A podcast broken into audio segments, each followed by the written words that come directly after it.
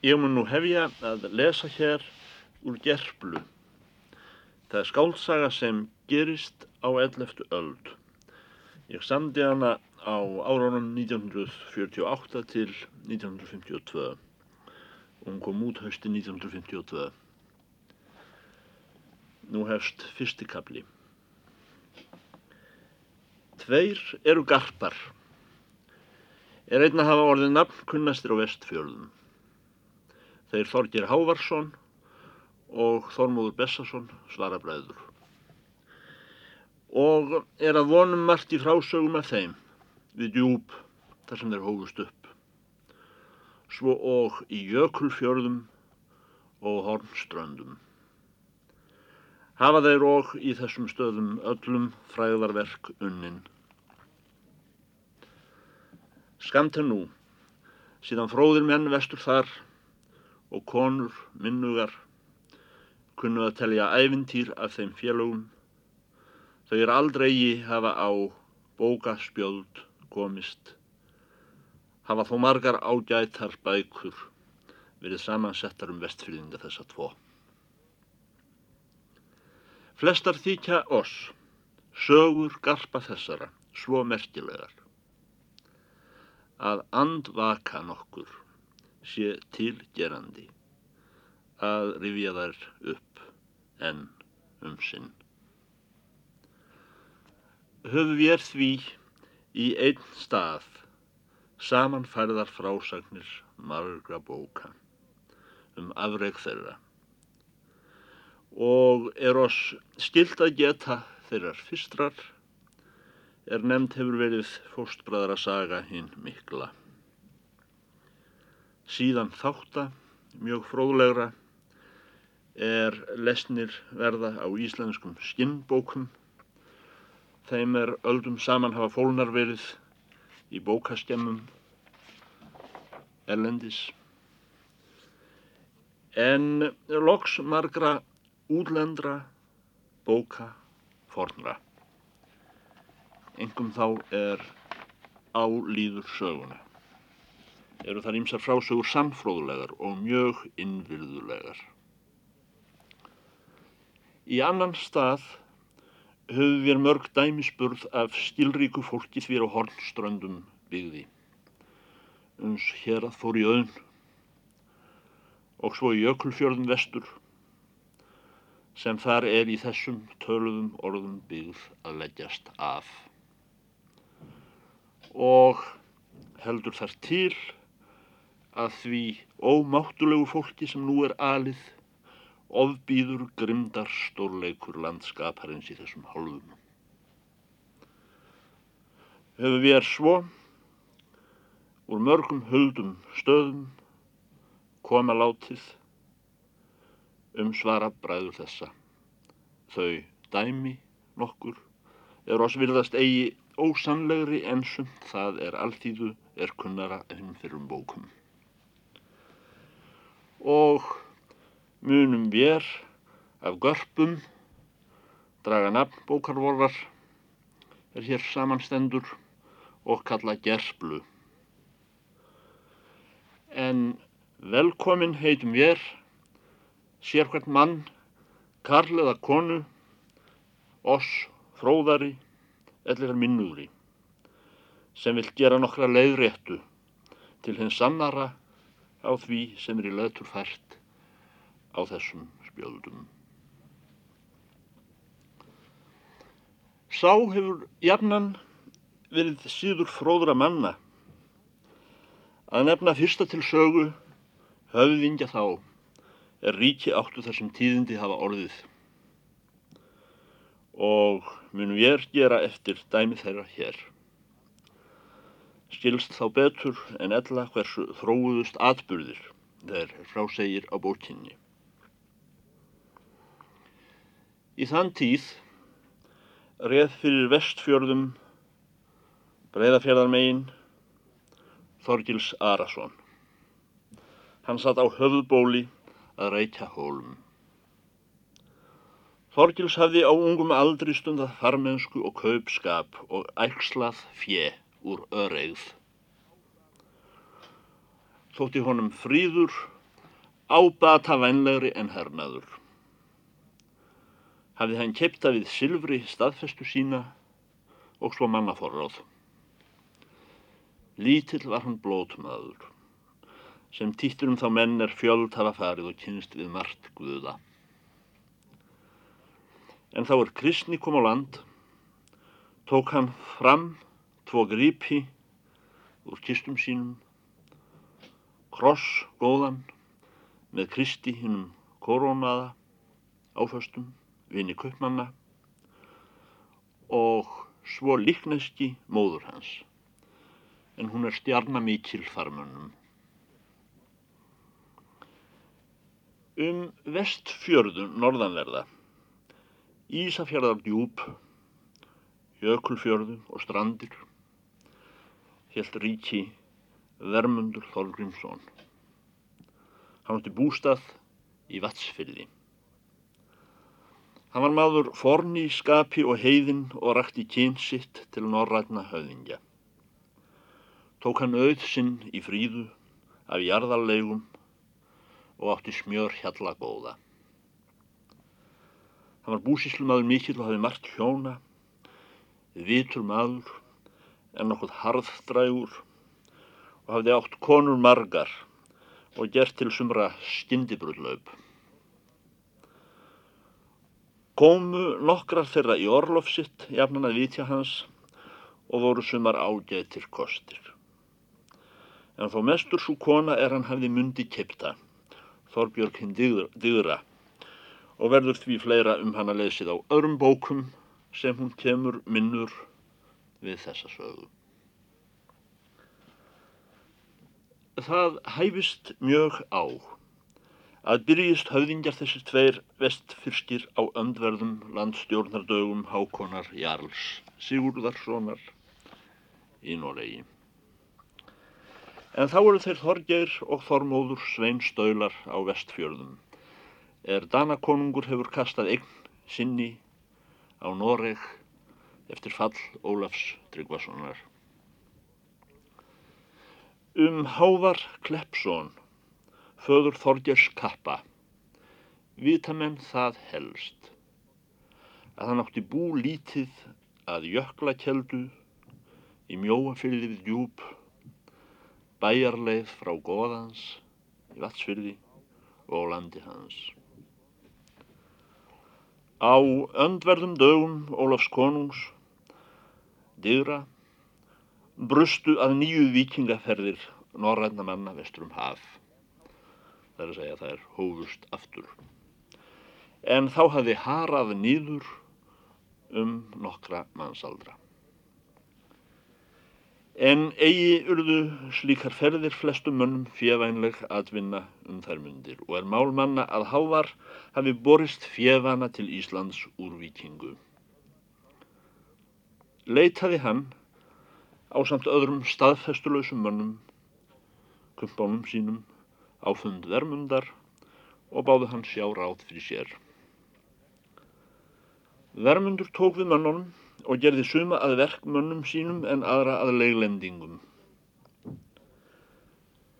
Um hristibróð hávars bónda í vikingu eru eigi aðrir til frásagnar en sjálfur hann en það er í almæli haft að honum hafi þótt starfi búand karla lítilsverður hjá þeim verkum sem unnin eru af fræknleik og hugpríði og meiri sómi að vega menn en draga fiska. Þó var honum ekki annað að vopna uppi fast, þá er hann komur hernaði en kilva einn. Kona hafar sétt Þórelfur.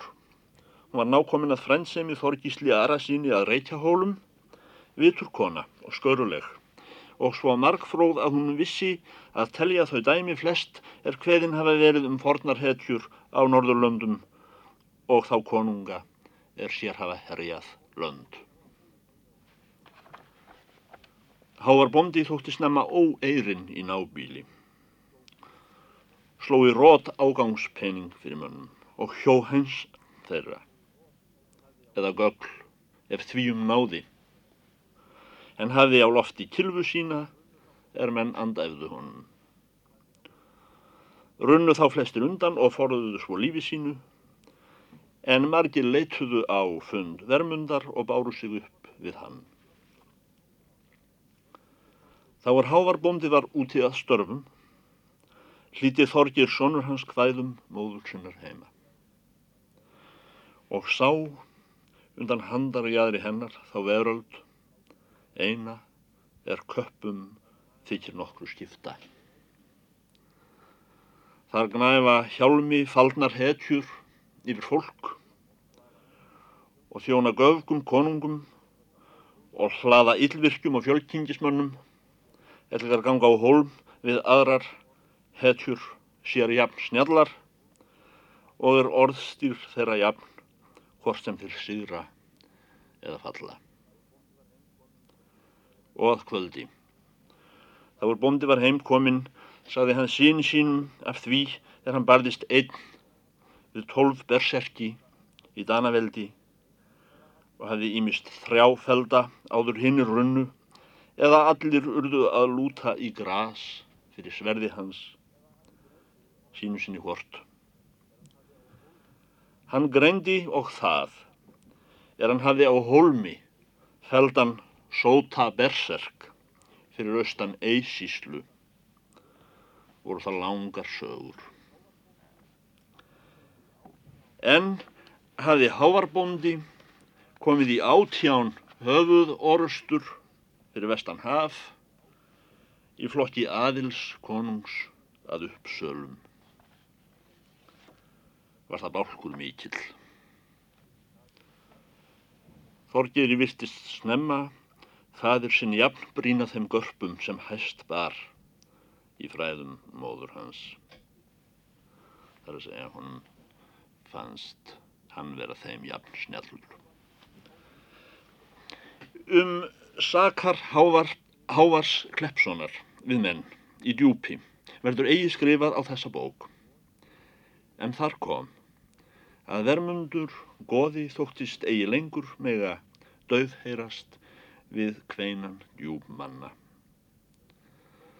Setur hann Þorgísli aðra sinni stefnu og hveður þingmönnum sínum eigi fritt með hænsn sín fyrir þessum venslamanni hans mælist til þess að honum sé fenginn staðfesta annar staðar.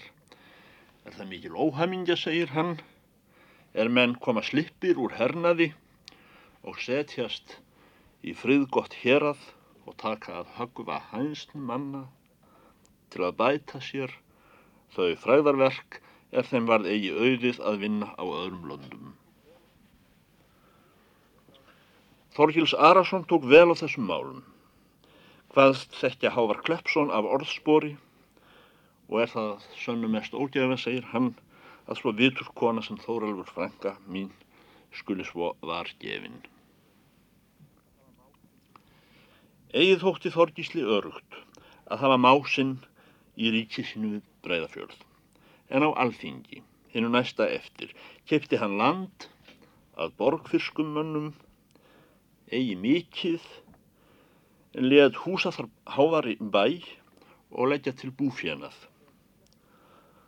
Samsumars færiði hávar Kleppsson bústað sinn til borgarfjörðar, þangað sem síðan heitir að Hávars stöðum, sunnan hafnar fjalls. Skjótt síndist að borgfyrðingum var lítil auðfúsa á þangað komu Hávars Kleppssonar. Hérað er í borgarsfríð mikið og blómganlegt og var það margt ríkismanna höfðu þeir ráðagerð með sér um það hversu bæjamætti frá svo ágætu héræði, ódæmum sem þeim, er stemt var hingað stillitlu fólki eða vændismönnum af öðrum landslutum.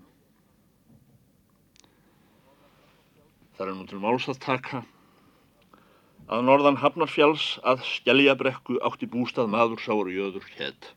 Það var Klæjingsson. Um jöður er það sagt að hann let eigi að jafnaði sinn hlut eftir liggja ef nokkuð dró til tíðinda innan héraðs. Var hann lítill jafnaðarmadur við marga menn.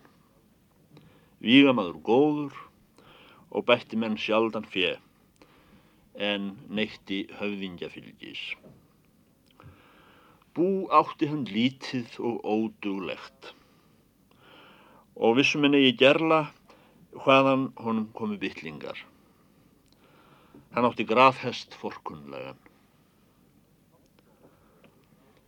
Hávar Kleppsson hafði fátt hjóna og búfið eigi margt. Garðjálk einn átti hann rauðan er hann hafði haft með sér vestan. Undi þessi hestur sér betur í túni og hlaðvarpa en á fjalli. Nú ber svo til einn góðan veður dagum höstið að jöður bondi að skjæljabrekku fer af stað við síni sínum stálpuðum og einum húskarli út á Akranes að kaupa mjöl. Og sem þeir æja nær uh, hávarstöðum á leiðsynni um, skekur hávar skellu heima á hlaði. Það er að segja hann, hann um, þeitir hrossabrest og verður af brestur feiknilegur.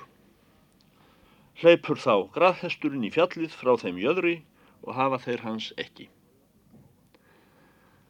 Þar snopti rauður hávarsbonda und görðum og lafiði flipinn og sé að klárnum mjög. Það er að segja að klárnum var sifjaður. Jöður meldi Taki hjálk þenna og hnýti aftan í lest mína skal ég hafa af akranissi mjölum mitt. Sónur hans og húskarl gerðu sem hann böð. Um kvöldið reytu þeir mjölvöru sína heim til Skeljabrekku sem leiði líkur hjá gardi að hávarstöðum. Hávar bóndi stóð úti. Hann kendi þegar hest sinn undir mjölklifjum þeirra skjálbrekkinga. Hann tók þá fram klubbu sína er hann hafi haft með sér úr hernaði og gekk ofan fyrir túnið til fundar við lestamenn. Hann mælti. Nú er að skila aftur hestinum og eru þér djarfin menn að taka grípi bonda upp í opin augu þeim bónlaust og án umræðu. Var ekki slíku gamni óvanur þá er eða vestri í fjörðum. Jöður meldi. Meir höfum við þó hyrt að þér væri bækt að vestan fyrir yllverkasakar og hænsna þjófnaðar og eru býst mikil er aðkomi menn í borgarsfyrði slíki sem þú ert digrast svo mjög við oss heimamenn. Við þau orð brá hávarbóndi knífi á taum hesti sínum og sleit hann úr lestinni. Teimdi hann síðan undir klifjum, áleiðist til bæjar. Jöður bað förunauð það sína fylgja sér, hvaðast freistamundu að læja nokkuð ofstopa þessa utan hér að smaðans, er þar gerir sig líklega að ræna mjölvi borgfyrðinga. Þeir brúðuði skjótt, sleptu af lestinni og ríða nú allir jæmt á hávar ofan. Hafði jöður upp í öksi og hjó í höfuð bonda aftan svo að hann satar við en sonur jöðurs, grímur, laði hann spjóti í síðu og verður hvort veggja jafn snemma. Fjallhávar bóndi þar nýður sem hann gekk fyrir hesti sínum.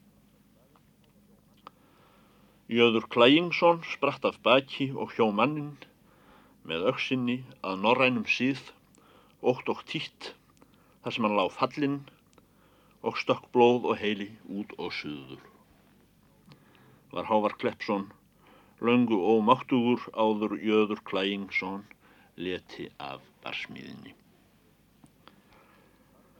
Þá er Jöður bondi þóttist hafa nóg starfað skipaði hann húskalli sínum að taka hestin hávars og knýta aftan í lestina að nýju því að það þykir góðum drengjum lítið vík ef eigi skal fylgja nokkurt herfang, en eg mun, segir hann, fara og sonur minn og lýsa víinu. Þorgir Hávarsson satt á vallargarði og sá til þá er fadir hans var veginn. Jöður Klæingsson reið að sveininum í verkslokk og meldi svo.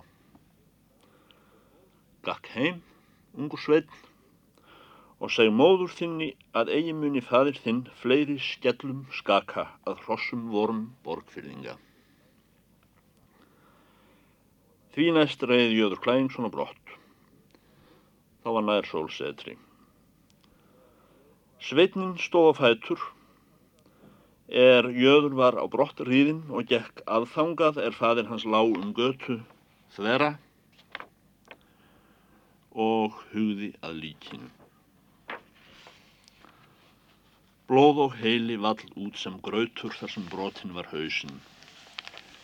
En öll mynd var af andlitinu eftir högginn Skrapp til annar armleggur í axlar liðnum um leið og maðurinn linaðist í andlátinu og var það kvik hans hinst. Sveitnin undraðist er fadir hans var svo auðveldlega döður. Hafði þó allt við berserki í Danmörku og farið báli og brandi fyrir vestan haf. En svo hefði verið trúa sveinsins að fadir hans væri einn mestur garpur á Norðurlöndum. Þorger Hávarsson stóð lengi úti áður hann gengi að segja móður sinni. Síðan gekk hann heim. Hann var þá sjöð vetra. Gerpla, annar kapli. Vermundur goði átti frænda þann er Bessi hétt. Hann var Haldursson. Hann bjóða laugabóli, það er bæjarleið frá Vassfyrði. Bessi var skálmeltur maður og lögfróður, vinsæl af almenningi en lítill auðmaður. Með þeim vermundi var góð vinátta með frændsemi. Var Bessi oftlega í fylld vermundar í yfirferðum og svo þá er hann reið til þings. Þá var látin kona Bessa, er þessi saga er hafinn en svon átti hann ungan, sá hér Þormóður. Þótti Sveitn snemma vel viti borin en nokkuð orðhvatur. Hann namn skálskap og ennur vísendi að föður sínum og kunni ungur mörg fræði um konunga og jarla þá er mestir hafa verið dugandismenn til fólkvíga og annara ágæðtra verka á Norðurlöndum. Svo og af ásum völsungum, ylvingum og þeim nafnfrægum hetjum er við trollkonur glýmdu. Þá kunni og sveitnin margt um ástir þær, hinnar miklu er menn náðu að hafa af konum að upphafi heimsins, þá er Brynhildur svaf á fjallinu. En vissi hann að segja frá svönum þeim er að sunnan flugu og á nesi settust og lögðu frá sér hami sína og tóku að spinna mönnum. Hann kunni og þau bísnleg fræði er segja fyrir endalikt heimsbyggðar og ragnar auk.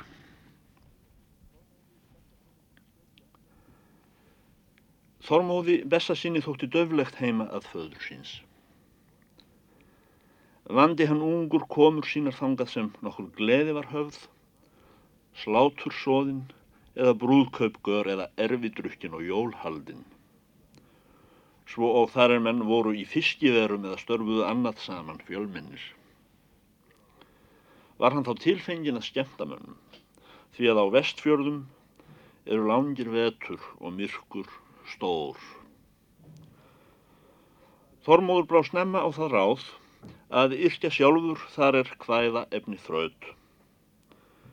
Kunni hann í æsku svo vel að yrkja að nefn fundu eigi mun á hvæðum hans og annara skálda. Í vatsfyrði að vermundar goða var í senn hjónmart og þrælakostur góður. Þangað sóttu og snöðmenn og sekir.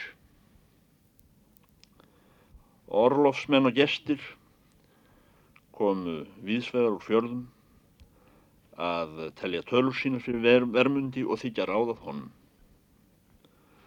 Þormóður var snemma tíður gestur í Vatsfyrði.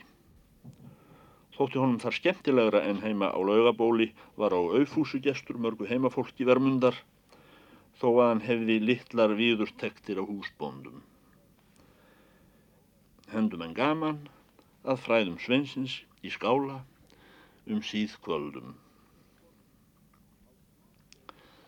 Þar var komin á kynnisleit kona einn úr jökulfjörðum, Kolbrún að nefni. Á samt dóttur sinni Bernskri er gerriður hétt.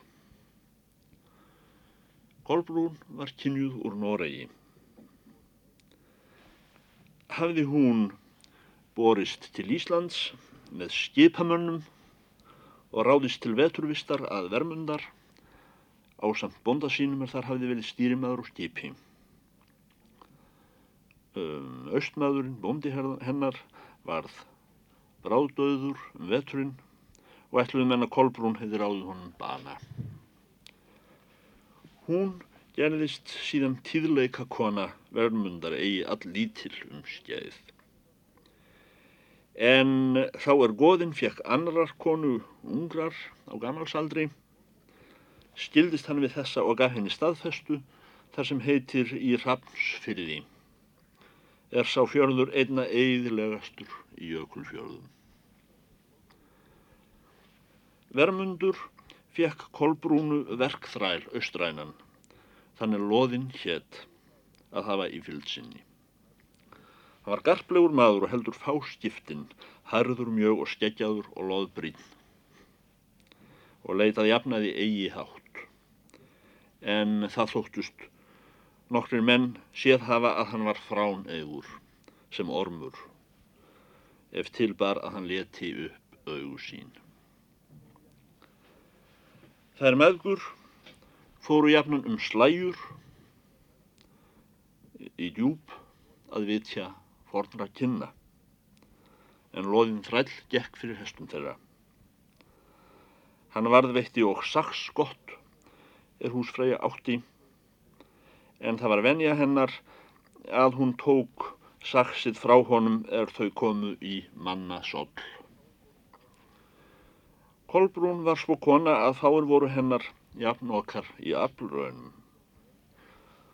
Vaksinn þrýstilega og þó vel í andliti, eigð hvenna best, dökkundur brún og þótti kona nokkuð grálind, ef henni líkaði ver, harð lind við þá menn er henni voru eigi að skapi, en þó engum ástmenn sína.